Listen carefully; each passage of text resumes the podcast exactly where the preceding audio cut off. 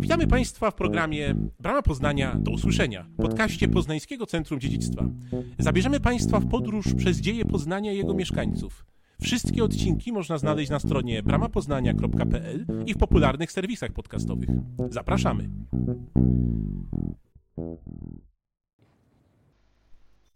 Dzień dobry Państwu, witamy w kolejnym odcinku naszego podcastu Brama Poznania do usłyszenia. Witamy, ponieważ moim i Państwa gościem dzisiaj ponownie będzie Dawid Barbarzak. Dzień dobry Dawidzie.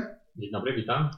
I dzisiaj będziemy rozmawiać sobie dalej o podróżach. Wspominaliśmy już też o podróżach politycznych, wojennych, wieckich, ale Ostrów Tumski, wokół którego staramy się skupić, no to też w ogromnej, ogromnej mierze y, religia. I od dawnych czasów do współczesności, więc myślę, że wątek jakichś podróży religijnych, ich form jak najbardziej powinien nam się tutaj teraz pojawić. Coś na ten temat? Tak, tak jak mówisz, Ostrów Tumski jest y, kolebką y, chrześcijaństwa w Polsce. Tutaj przybywali pierwsi biskupi, tutaj pojawiła się nowa religia i też różne nowinki, które ta religia z sobą y, przywiodła. No i nic dziwnego, że wiąże się to jakoś z przybyszami z zagranicy. Pierwsi biskupi polscy czy, czy poznańscy, ponieważ od 968 roku istniała tutaj pierwsza diecezja, biskupi misyjni naj, najprawdopodobniej, byli oczywiście obcego pochodzenia. Ci, którzy rezydowali w Poznaniu, o tyle cieszyli się bezpieczeństwem, że przybywali do władców, którzy zgodzili się już wcześniej przyjąć chrześcijaństwo i opiekowali się nimi, dawali im opiekę, prawdopodobnie też podróżowali z tymi władcami po różnych grodach w kraju, więc raczej, raczej pierwsi biskupi nie rezydowali w Poznaniu, mhm. nawet jeśli tytularnie byli biskupami poznańskimi, bo po prostu i tak ta diecezja obejmowała cały kraj, przynajmniej do zjazdu gnieźnieńskiego. W innej sytuacji byli trochę biskupi misyjni, którzy wyruszali na nowe ziemie pogańskie, gdzie nikt ich wcześniej nie zapraszał. Tak? No ale zatrzymajmy się najpierw przy tych pierwszych. Jordan, pierwszy poświadczony w kronice Titmara biskup polski, był oczywiście obcego pochodzenia, jak wielu, wielu jego następców. Jeśli przejrzymy sobie listę biskupów poznańskich, to większość z nich ma pochodzenie niemieckie. O pierwszych słowiańskich biskupach można mówić dopiero w XII wieku. Pochodzili oni wtedy z jakichś możnowładczych rodów tutaj lokalnych. Wcześniej to byli biskupi obcego pochodzenia. Ale Jordan akurat germańskiego pochodzenia raczej nie miał. Jego imię Jordan, może po włosku Giordano, by trzeba było to przetłumaczyć, miał pochodzenie romańskie, co znaczy, że pochodził albo z północnych Włoch, tutaj są różne hipotezy, albo najczęściej się też wskazuje Lisz w Belgii obecnie. W Lisz, tak na marginesie można dodać, że znajdował się grób świętego Lamberta w katedrze biskupa męczennika z VII wieku, którego kult był później popularny w cesarstwie niemieckim i w państwie Piastów. Dlatego też Mieszko II, nasz król, na chrzcie właśnie otrzymał imię Lambert. Jordan mógł znać język Słowian. Niewykluczone, że na przykład nauczył się go na Bałkanach, bliższych gdzieś tym krajom e, romańskim i z tego powodu został wysłany tutaj do państwa Mieszka I. Można dodać, że u Jana Długosza w późniejszej kronice e, kronikarz twierdzi, że pierwsi wszyscy biskupi byli pochodzenia włoskiego. To jest e, mhm. raczej, raczej nieprawda. Byli to przeważnie duchowni niemieccy. Można przypomnieć też świętego Wojciecha, który był Czechem, mhm. czy Ottona z Bambergu, który był Bawarczykiem. W poprzednim odcinku wspominaliśmy często o różnego rodzaju pamiątkach, pozostałościach po podróżach, czy jakieś pamiątki po tych misyjnych biskupach, którzy przyjeżdżali z najczęściej zachodnich krajów, też mamy gdzieś tutaj u nas? Jeśli mowa o pierwszym biskupie Jordanie, to warto przypomnieć miecz świętego Piotra. No, tak? Pierwsza relikta na polskich ziemiach, przechowywana dzisiaj w Muzeum Archidiecezjalnym, czyli swoisty prezent od papieża z okazji chrztu Mieszka I miecz, który no najprawdopodobniej Jordan właśnie od papieża tutaj przywiózł. Z kolei, jeśli chodzi o jakąś architekturę, budowlę, po Jordanie nie za wiele się zachowało. No, nie licząc tylko tej kaplicy przypałacowej w Poznaniu na Ostrowie Tumskim, która była może pierwszą w ogóle świątynią, w której Jordan odprawiał na pewną mszę. Niewykluczone, że został tam też pochowany, chociaż nie znamy miejsca jego pochówku. Natomiast już po drugim biskupie takich pamiątek jest więcej. Drugi biskup, następca Jordana, Unger, Mhm. mógł mieć pochodzenie węgierskie.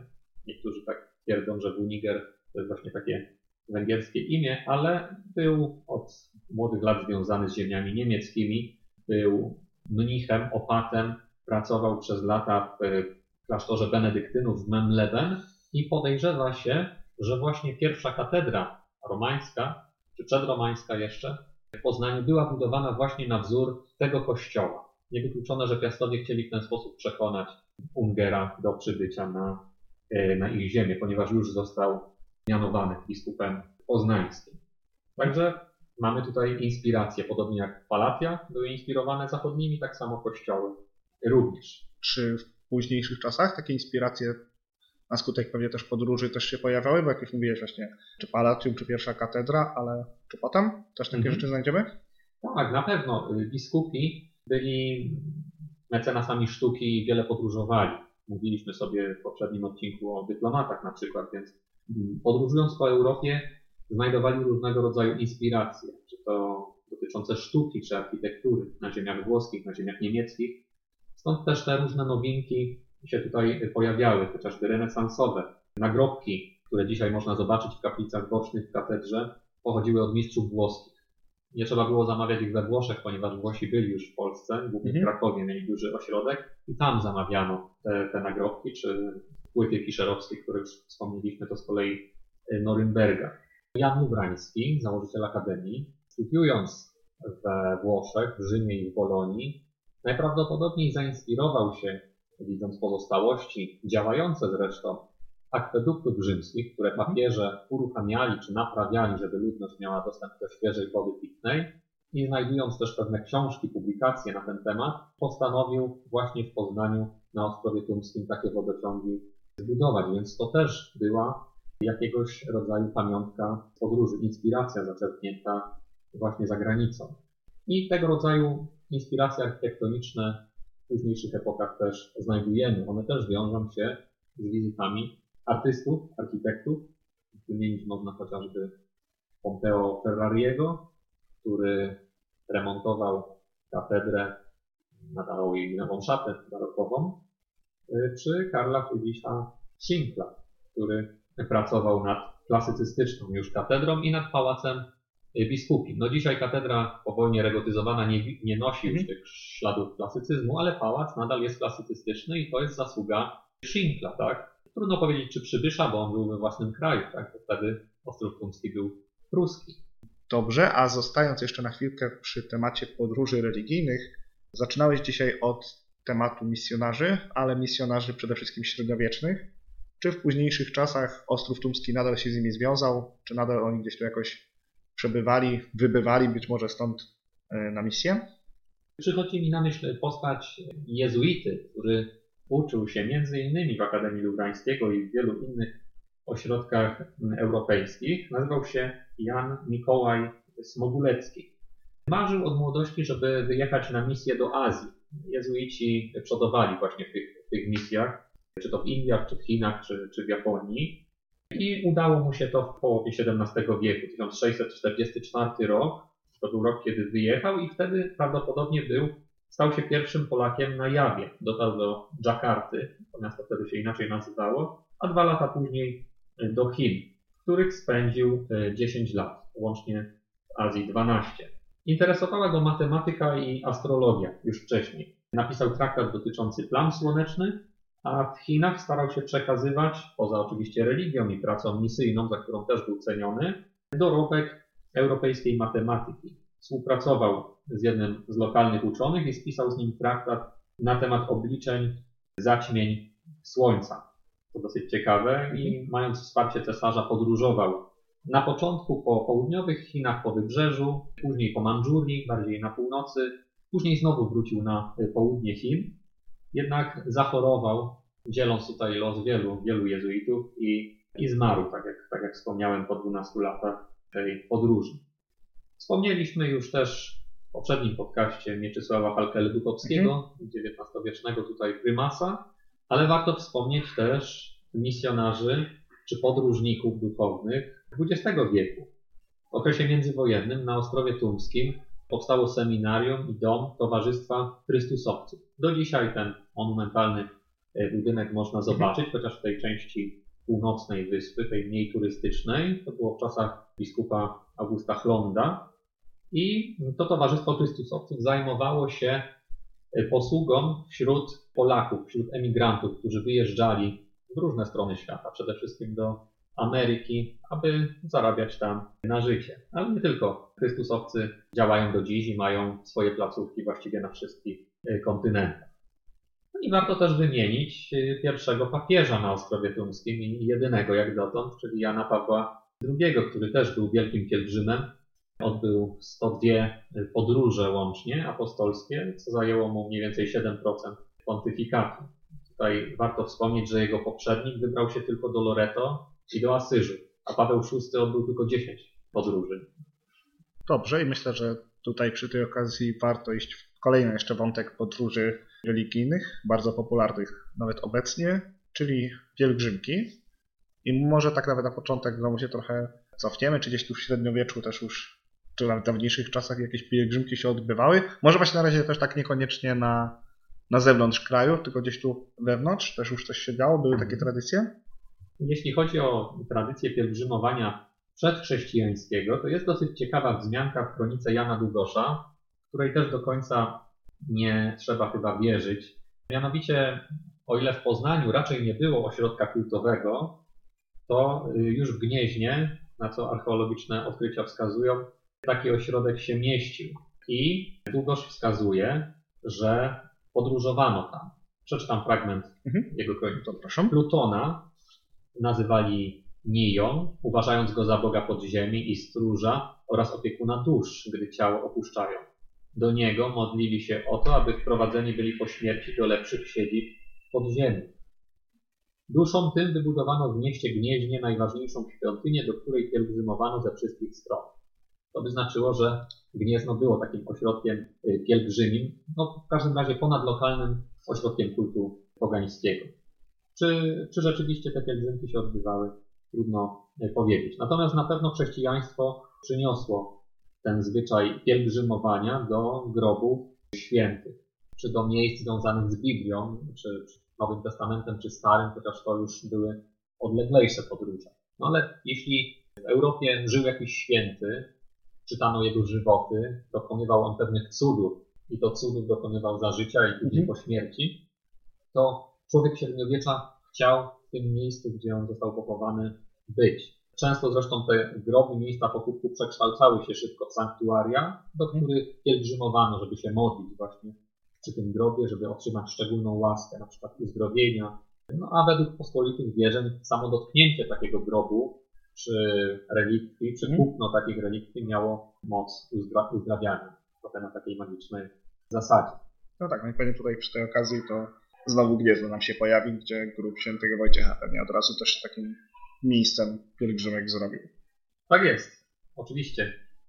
Pierwsza pielgrzymka, o której można wspomnieć, to ta od Tona III do grobu świętego Wojciecha. Święty Wojciech zginął wśród Prusów, stał się, jego śmierć stała się fundamentem później kościoła w państwie Piastów, powodem, dla którego nadano, nadano arcybiskupstwo właśnie świętego Wojciecha jego bratu, Radzimowi Gaudentemu. Był jakby kustoszem tych, tych relikwii, które tutaj w Gnieźnie ostatecznie złożono i odtąd trzeci jako pielgrzym, nawet w stroju ubogim, pielgrzymin dotarł, podróżując przez całą Europę z Włoch, gdzie akurat przebywał, pojawił się prawdopodobnie w Poznaniu i, i później też w Gnieźnie. Oczywiście ta podróż też wiązała się z pamiątkami, więc y, zostawił Bolesławowi Chrobremu włócznie świętego mhm. Maurycego, ponieważ relikwie też miały takie, takie wiązały się z symboliką władzy. Tak, tak. Mhm. Natomiast sam otrzymał i zabrał z sobą ramię świętego Wojciecha. I dobrze się stało, ponieważ po wielu wiekach relikwie w Gnieźnie zrabowano, więc dzięki temu jakieś cząstki można było później z powrotem tutaj w relikwiarzu umieścić. Dobrze, czyli mamy tutaj ten wątek pielgrzymek do Polski lub wewnątrz polskich, ale no na pewno podróżowano, pielgrzymowano też do zachodnich krajów, w szczególności myślę gdzieś Rzym, ponieważ tam się powiedzmy znajdowało całe centrum życia religijnego. Tak jest. Z Rzymem nawiązano więzi już e, poprzez chrzest Mieszka I, poprzez, poprzez biskupstwo, które dwa lata później powołano i miecz świętego Piotra, czy dokument Dagome Judex, w którym później państwo Mieszka zostały oddane opiekę stolicy apostolskiej, o tych więziach świadczą. Już wiadomo, że drugi biskup też Unger wyruszył w drogę do Rzymu w 1004 roku i niestety, niestety został po drodze pojmany, jako że tutaj istniała pewna rywalizacja między Poznaniem i Magdeburgiem. Wiadomo też, że święty Wojciech bywał w Rzymie, że tam studiował do mhm. dzisiaj na Aventynie kościół y, czy klasztor, o którym, w którym się o nim y, pamięta. Natomiast takie pielgrzymki typowe do Rzymu na pewno nasiliły się od roku 1300, kiedy to powołano tak zwany rok jubileuszowy. Papieże ogłosili taki rok, który miał się odbywać na początku co 100 lat, później co 50, w tej chwili co 25 lat, kiedy można było otrzymać szczególne łaski w Rzymie, odpusty. Mhm.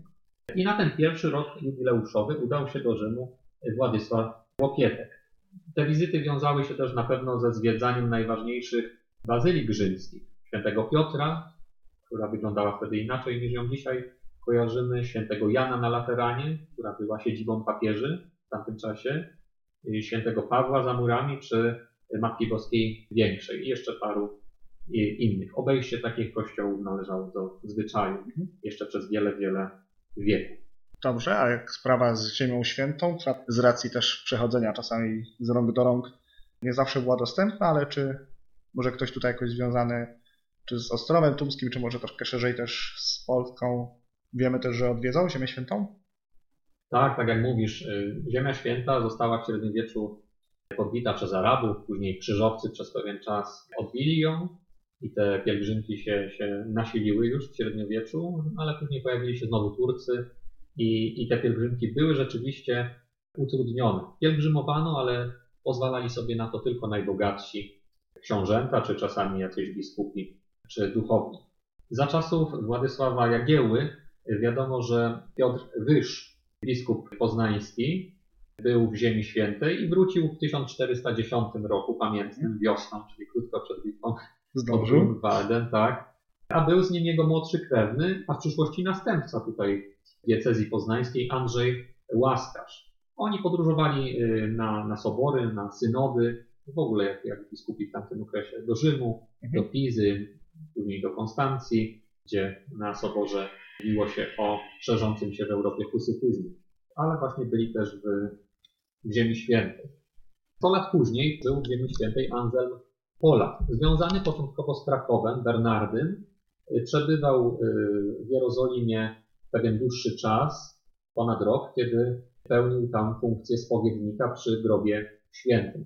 I był on autorem, jest on autorem opisu Ziemi Świętej po łacinie, w którym zawarł przede wszystkim oczywiście miejsca związane ze Starym czy z Nowym Testamentem według porządku stron świata. Pojawiają się tam ciekawe porównania. Na przykład Jordan zostaje porównany wielkością swoją do Warty. A to z tego względu, że Anselm swoje ostatnie lata spędził właśnie w Poznaniu, gdzie został przeniesiony w 1517 roku. I to jego dzieło było czytywane w Europie, nie tylko tutaj w kraju, ale też z racji języka w innych miejscach. Myślę, że może tak jeszcze w jednym zdaniu odniesiemy się do jeszcze innego takiego na pewno istotnego, bardzo dawna miejsca dla pielgrzymek, czyli Santiago de Compostela, grup świętego Jakuba Starszego. Czy coś wiemy, że tutaj gdzieś być może właśnie w czasach średniowiecznych, czy może trochę późniejszych, Polacy już też tam wędrowali, włączyli się w ten nurt? Oczywiście Polacy jak najbardziej. Mamy, mamy wręcz relacje pielgrzymie czy podróżne z okresu renesansu czy baroku, kiedy to podróż do Hiszpanii, podróż w ogóle po Europie, taka edukacyjna, wiązała się też z nawiedzeniem niektórych sanktuariów. Przede wszystkim właśnie, jeśli chodzi o Hiszpanię, było to Santiago de Compostela. Natomiast jeśli chodzi o Ostrów Tumski, o wcześniejsze czasy, o archeolodzy odkryli na Ostrowie Tumskim, ale też na Ostrowie Lednickim właśnie muszle pielgrzymie z XIII mm. i XIV wieku. To były muszle, które pielgrzymi pierwotnie znajdowali na wybrzeżu atlantyckim. Santiago jest położone blisko e, Atlantyku i zabierali z sobą jako taka pamiątka czy oznaka. Z czasem oczywiście zaczęto je produkować i można je sobie gdzieś kupić i są też one oznaką dzisiejszego szlaku. Od 2006 roku działa Wielkopolska Droga Świętego Jakuba, więc nadal mhm. te pielgrzymki są popularne. E, no i warto wspomnieć, że są to pielgrzymki raczej takie w pojedynkę, nie takie mhm. kojarzymy z Częstochowy, że idzie się grupą, ale raczej takie troszeczkę też związane z turystyką górską, niekoniecznie zawsze zapraszające też samych wierzących. Czasami po prostu osoby, które chcą zobaczyć piękne widoki. Wspominałeś e, zarówno dzisiaj, jak i też pod koniec poprzedniego odcinka o licznych biskupach, prymasach, misjonarzach, osobach niewątpliwie wykształconych. Wykształcenie to musieli oczywiście gdzieś zdobyć. Też już tutaj trochę mówiłeś o Lubańskim, na przykład, który podróżował do Włoch, ale też jak to wyglądało może w dawniejszych czasach pojawiło się w Polsce chrześcijaństwo i co za tym idzie też możliwość edukacji, ale czy ona tak była wszędzie dostępna, czy jednak też trzeba było to jakieś podróże odbyć? Tak, rzeczywiście edukacja, pismo czy pierwsze szkoły wiązały się bardzo z Kościołem w średniowieczu, również uniwersytety często się z nim y, wiązały. Powstawały szkoły przykościelne, przyklasztorne, przykatedralne. Tam też mieściły się pierwsze biblioteki. To były głównie w średniowieczu ośrodki wiedzy. I z tego względu czasami trzeba było udać się po naukę właśnie do nich, jakąś dalszą podróż. Zdarzało się, że kobiety również z jakichś monarszych rodów, także piastówny, takie podróże odbywały. Na przykład do Kwedlinburga, którego już, który już wymienialiśmy dzisiaj parę razy, wyjechała Rycheza, żona e, Mieszka II. Podobnie jej syn Kazimierz Odnowiciel z pewnością pobierał nauki w klasztorze. Powstała nawet później taka hipoteza czy legenda, że był mnichem i zrzucił te mnisie szaty, żeby, żeby zostać później księciem, kiedy wrócił odnawiać właśnie e, kraj. Natomiast biskupi poznańscy, tak jak lubrański, ale też e, jeszcze wcześniejsi, udawali się do ośrodków zachodnioeuropejskich na studia, żeby studiować prawo czy teologię. I to były takie miejsca jak Praga, jak Bolonia jak Rzym przede wszystkim. Natomiast Jan Lubrański założył w XVI wieku Akademię Humanistyczną, no, na skalę polską dosyć y, pionierską i z nią również wiązały się różnego rodzaju podróże. Sam założyciel studiował w Bolonii i w Rzymie, ale też jeden z pierwszych rektorów Akademii, Krzysztof Hegendorfer, pochodzący y, z Lipska, humanista, wiele wędrował w swoim życiu. Przez jakiś czas przebywał w Wittenberdze, później trafił na 6 lat do Poznania, Niestety został przez następców już Lubrańskiego oskarżony o, o herezję i wygnany. Później podróżował jeszcze po północnych Niemczech. Był we Frankfurcie nad Odrą, w Rostoku i w Lennenbergu. I jego postać wskazuje, że podróżowali po wiedzę nie tylko studenci, ale też sami profesorowie, sami uczeni. Mhm. Był to taki trend takiego wędrownego humanisty, który w różnych ośrodkach wiedzy nauczał. Szukał zarobku. Dobrze, bardzo nam ładnie tutaj płynnie przeszedłeś od osób duchownych do też postaci już trochę bardziej świeckich i związanych z nauką, ale związanych z nauką, którą pobierały lub wykładały tutaj na Akademii Lubrańskiego na Ostrowie Tumskim, czy może oprócz Hegendorfera jeszcze jakieś przykłady postaci z nią związanych, które być może albo do niej podróżowały, albo z niej, z Akademii podróżowały. No zapewne myślę tutaj o jakichś znanych absolwentach. Tak, Akademia Lubrańskiego to było miejsce, gdzie zaczynano naukę i stamtąd udawano się na dalsze studia, czasami do Krakowa, czasami do innych ośrodków, więc wielu absolwentów Akademii Lubrańskiego później podróżowało w celach naukowych, edukacyjnych. Między innymi Klemens Janicki, pochodzący z Podżnina, uczył się w Akademii Lubrańskiego. To jest późniejszy poeta, bardzo wybitny, piszący głównie po łacinie. Pochodził z Podżnina, miał pochodzenie chłopskie i po nauce w Akademii Lubrańskiego właściwie nie byłoby go stać na dalsze studia, gdyby nie znalazł mecenasów, gdyby nie znalazł patronów, takich jak Andrzej Krzycki, czyli prymas, czy Piotr Kmita, wojewoda krakowski, który ufundował mu możliwość wyjazdu do Padwy, gdzie mhm. później studiował. On o tym wspomina w swoich elegiach. Przeczytajmy fragment. Po jego śmierci Kmita na swój dwór mnie bierze, pierwszego mego pana zastępując brak.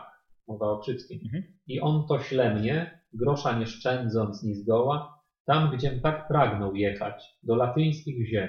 Jadę wesół, że mi się pragnienie mes iści. Nabywca sztuk, pallady euganejskiej gość. Tutaj różne nawiązania Mhm. e, antyczne, bo rzeczywiście Włochy jawiły się Klemensowi jako Arkadia, jako miejsce, gdzie zamieszkują muzy. Podobały mu się bardzo krajobrazy włoskie, podobały mu się zwyczaje Włochów, bardzo chwalił ich grzeczność, elegancję. Narzekał z kolei na trochę zbyt wojowniczych Polaków, chociaż tutaj też przekłamywał, bo we Włoszech też przecież toczyły się w czasach renesansu wojny i te państwa, które tam istniały, przecież wojowały z sobą bez, bez ustanku. W każdym razie miał bardzo, bardzo dobre wspomnienia z Włoch, które niestety przerwała jego choroba, puchnina wodna i wtedy Clemens, mimo że święcił sukcesy, że zrobił doktorat z, z filozofii, mimo że został odznaczony przez papieża laurem poetyckim, jego wiersze czytywano, zdecydował wrócić w ojczyste strony, żeby tutaj się leczyć i żeby tutaj ewentualnie umrzeć. Narzekał zresztą na, na warunki w drodze, zwłaszcza przez Alpy, gdzie częstowano go nie takim jedzeniem, jak wymagała choroba, gdzie wyśmiewano też go, że nie do końca tam znał język, już ten alpejski, włoski pewnie znał. No i, i rzeczywiście po jakimś czasie zmarł. Warto też o nim pamiętać, zwłaszcza, że y, mamy pomnik y, w Poznaniu, ale też dlatego, że stworzył taki zbiór łacińskich pierwszy żywoty królów polskich i opisał m.in. Mieszka I, Bolesława Chrobrego. Z pewnością napisałby jeszcze więcej. Mówi się nawet, że dorównałby Kochanowskiemu i że z czasem, gdyby pożył więcej niż te 20, zdaje się, 5 lat, to zacząłby pisać po polsku i kto wie, czy nie oni byśmy się dzisiaj w szkołach uczyli. No więc duża strata. Możemy żałować, że niestety tutaj absolwent naszej akademii aż takiej sławy nie dożył, ale myślę, że dużej sławy dożyła inna postać, inny absolwent, o którym na pewno nam też opowiesz, czyli Józef Struś. Tak, tutaj wspomnieliśmy o chorobach, no to może teraz trochę o lekarzach. Józef Struś y, uczył się w Akademii Lubrańskiego, później trafił y, jeszcze do Krakowa ze swoim bratem, a później wyjechał do Padwy, gdzie nie tylko studiował, ale też został profesorem. Wykładał tam, tłumaczył z greki na łacinę dzieła Hipokratesa, tak, słynnego starożytnego lekarza, i podjął już badania, pionierskie badania nad tętnem, które kontynuował przez całe swoje życie. Z podróżami te badania się po części e, łączą, ponieważ po powrocie z Włoch stał się tutaj w Poznaniu lekarzem rodziny Górków, a później trafił też na dwór królewski i odbył podróż z Izabelą Jagielonką, królewną, na Węgry, gdzie poślubiła starszego od siebie Jana Zapolię, który wkrótce zmarł. Ale Struś i Izabela pozostali na Węgrzech i między innymi Struś odbył wtedy poselstwo do Stambułu, do Turcji. Tam była dosyć trudna sytuacja polityczna, nie wchodźmy w szczegóły. Zasadniczo Węgry były rozdarte między Austrię i, i Turcję. Józef Struś leczył wówczas Sulejmana Wspaniałego, zyskał sobie już jego e, sławę i później wykorzystał te różne doświadczenia, badając też żołnierzy na tych obcych ziemiach, żeby leczyć swoich rodaków w Poznaniu. Mężnie stawiał czoła epidemiom dżumy, które zresztą zabrały go z tego świata i został też e, wcześniej burmistrzem Poznania dwukrotnie, więc też był zasłużonym absolwentem, wiele podróżującym. Jeszcze późniejszą postacią związaną z Akademią Lubrańskiego, już XVIII-wieczną, czyli z czasów oświecenia, był Jan Śniadecki. Interesował się fizyką, matematyką, hydrauliką, mechaniką, jak to w oświeceniu. Chodził między innymi tutaj na wykłady jezuity Józefa Rogalińskiego w Poznaniu, słynnego profesora kolegium. I już nie we Włoszech studiował, ale w Paryżu, w Getyndze, w Utrechcie, ponieważ te ośrodki stały się w tym czasie bardziej popularne, a również tych studiów by nie odbył, gdyby nie wsparcie, jakiego udzielił mu Hugo Kołłątaj. I ciekawostką, taką trochę też podróżną, ponieważ Mhm. związaną y, ze środkami transportu jest to, że był on konstruktorem pierwszego w Polsce balonu. 1784 rok. Co prawda ten próbny lot odbyto już w Warszawie, Mhm. a nie w Poznaniu, ale no warto też o Śniadeckim pamiętać. Na pewno warto pamiętać, że rzeczywiście absolwent Akademii, która pełniąc oczywiście inną funkcję, nadal stoi na e, Ostrowie Tumskim. Twórcą tego balonu był. Teraz pozwolę sobie kolejną postać wywołać, która na pewno musi zostać wywołana. Skoro mówimy o podróżach i szczególnie tutaj związanych też z Poznaniem i Ostrowem Tumskim, czyli Edward Raczyński, postać bardzo zasłużona i która wiele podróżowała. Tak, czyli kolejny wiek, XIX, wiek, w którym podróże nasiliły się, chociażby przez to, że pojawiła się kolej parowa i wię- więcej osób e, mogło, e, mogło w podróże wyruszać.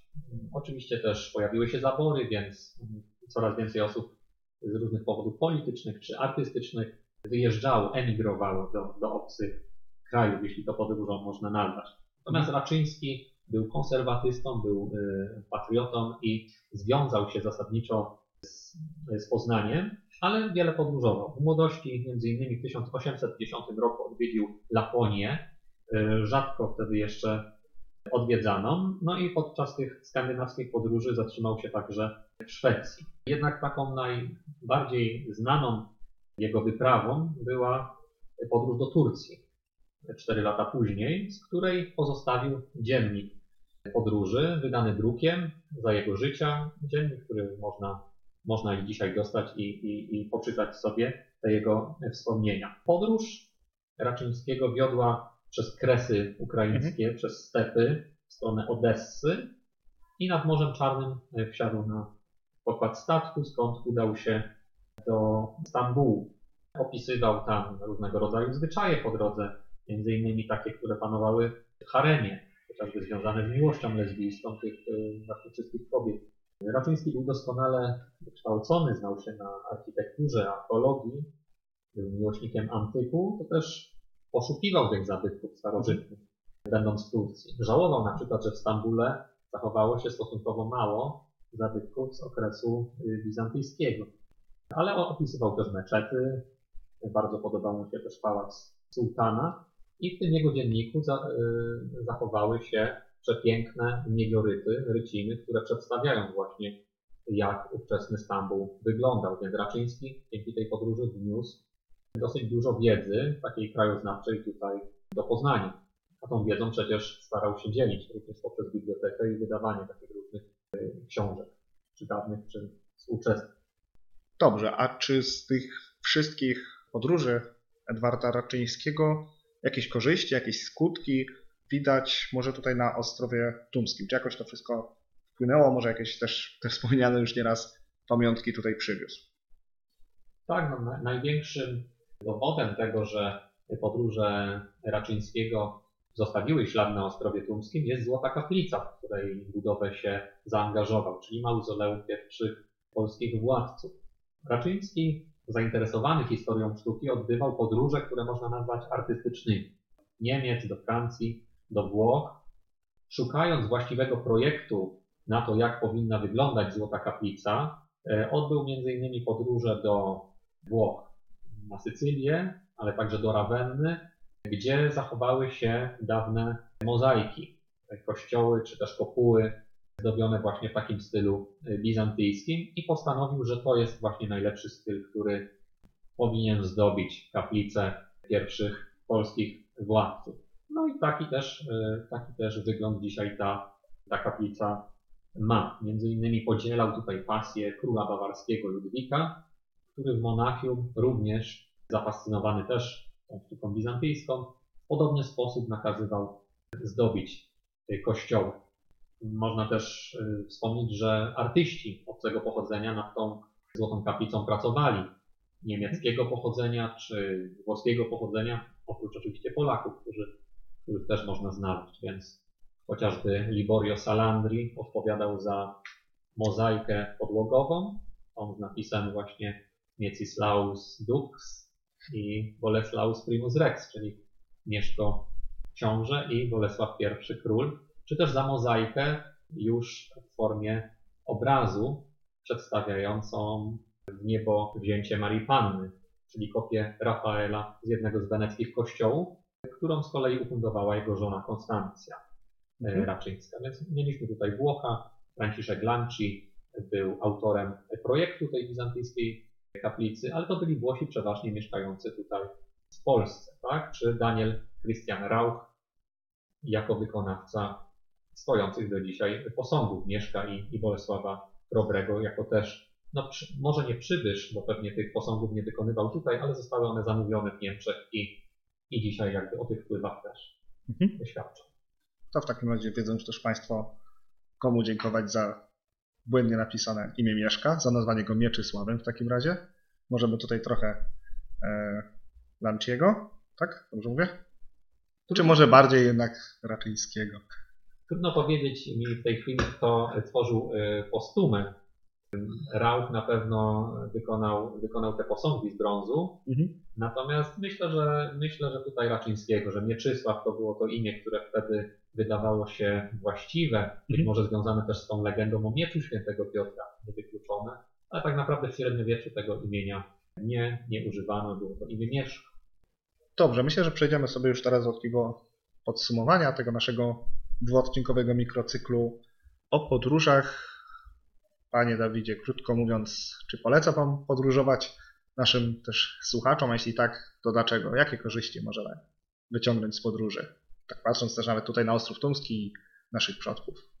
No myślę, że te dwie rozmowy, które przeprowadziliśmy, pokazują, że każda podróż pozostawia ślad. Pozostawia ślad i w naszym umyśle, czy w naszych wspomnieniach, w naszym sercu. I ten ślad później jakoś skutkuje na miejsce, z którego pochodzimy, do którego wracamy. Tak? E, czerpiemy pewne inspiracje, pewne wzorce związane właśnie czy to z architekturą, czy z modą, czy z kulinariami, które później staramy się naśladować i nie ma nic w tym absolutnie złego. Podróże uczą, podróże edukują. Możemy nabyć wiedzy, którą później można wykorzystać kraju. Właściwie wszystkie podróże edukacyjne w czasach średniowiecza czy renesansu czyniono nie po to, żeby odnieść jakąś przyjemność z podróży, ale żeby zaczerpnąć wiedzy i doświadczenia, której, mhm. którą, którą później można było wykorzystać, będąc obywatelem, często wysoko postawionym w Rzeczypospolitej obojga narodów, czy w późniejszych też czasach. Rozumiem. Dlatego też, drodzy Państwo, polecamy podróżować, ile Państwo macie możliwości i zarówno także tutaj po naszym kraju, jak również za granicę zachęcamy do poznawania nowych miejsc, nowych kultur i tak jak wspomniał Dawid, czerpania też z tych miejsc doświadczeń, które można później wykorzystać w swoim życiu. No w tej chwili nawet też może tak prostsze, oczywiście nie mówimy o tym, żeby nauczyć się jak zbudować jakąś kaplicę, ale może na przykład jakieś, czy jakieś danie, czy może nauka jakiegoś nowego języka, to bardzo na pewno y, korzystne rzeczy. Dawidzie, bardzo dziękuję Ci za dzisiejszą rozmowę. Państwu dziękuję Dzięki. za odsłuch i do usłyszenia w następnym odcinku. Dziękujemy za uwagę i odsłuchanie naszej audycji. Przypominamy, że wszystkie odcinki można znaleźć na stronie bramapoznania.pl i w popularnych serwisach podcastowych. Zapraszamy także do obejrzenia naszych filmów dostępnych na kanale Bramy Poznania w serwisie YouTube.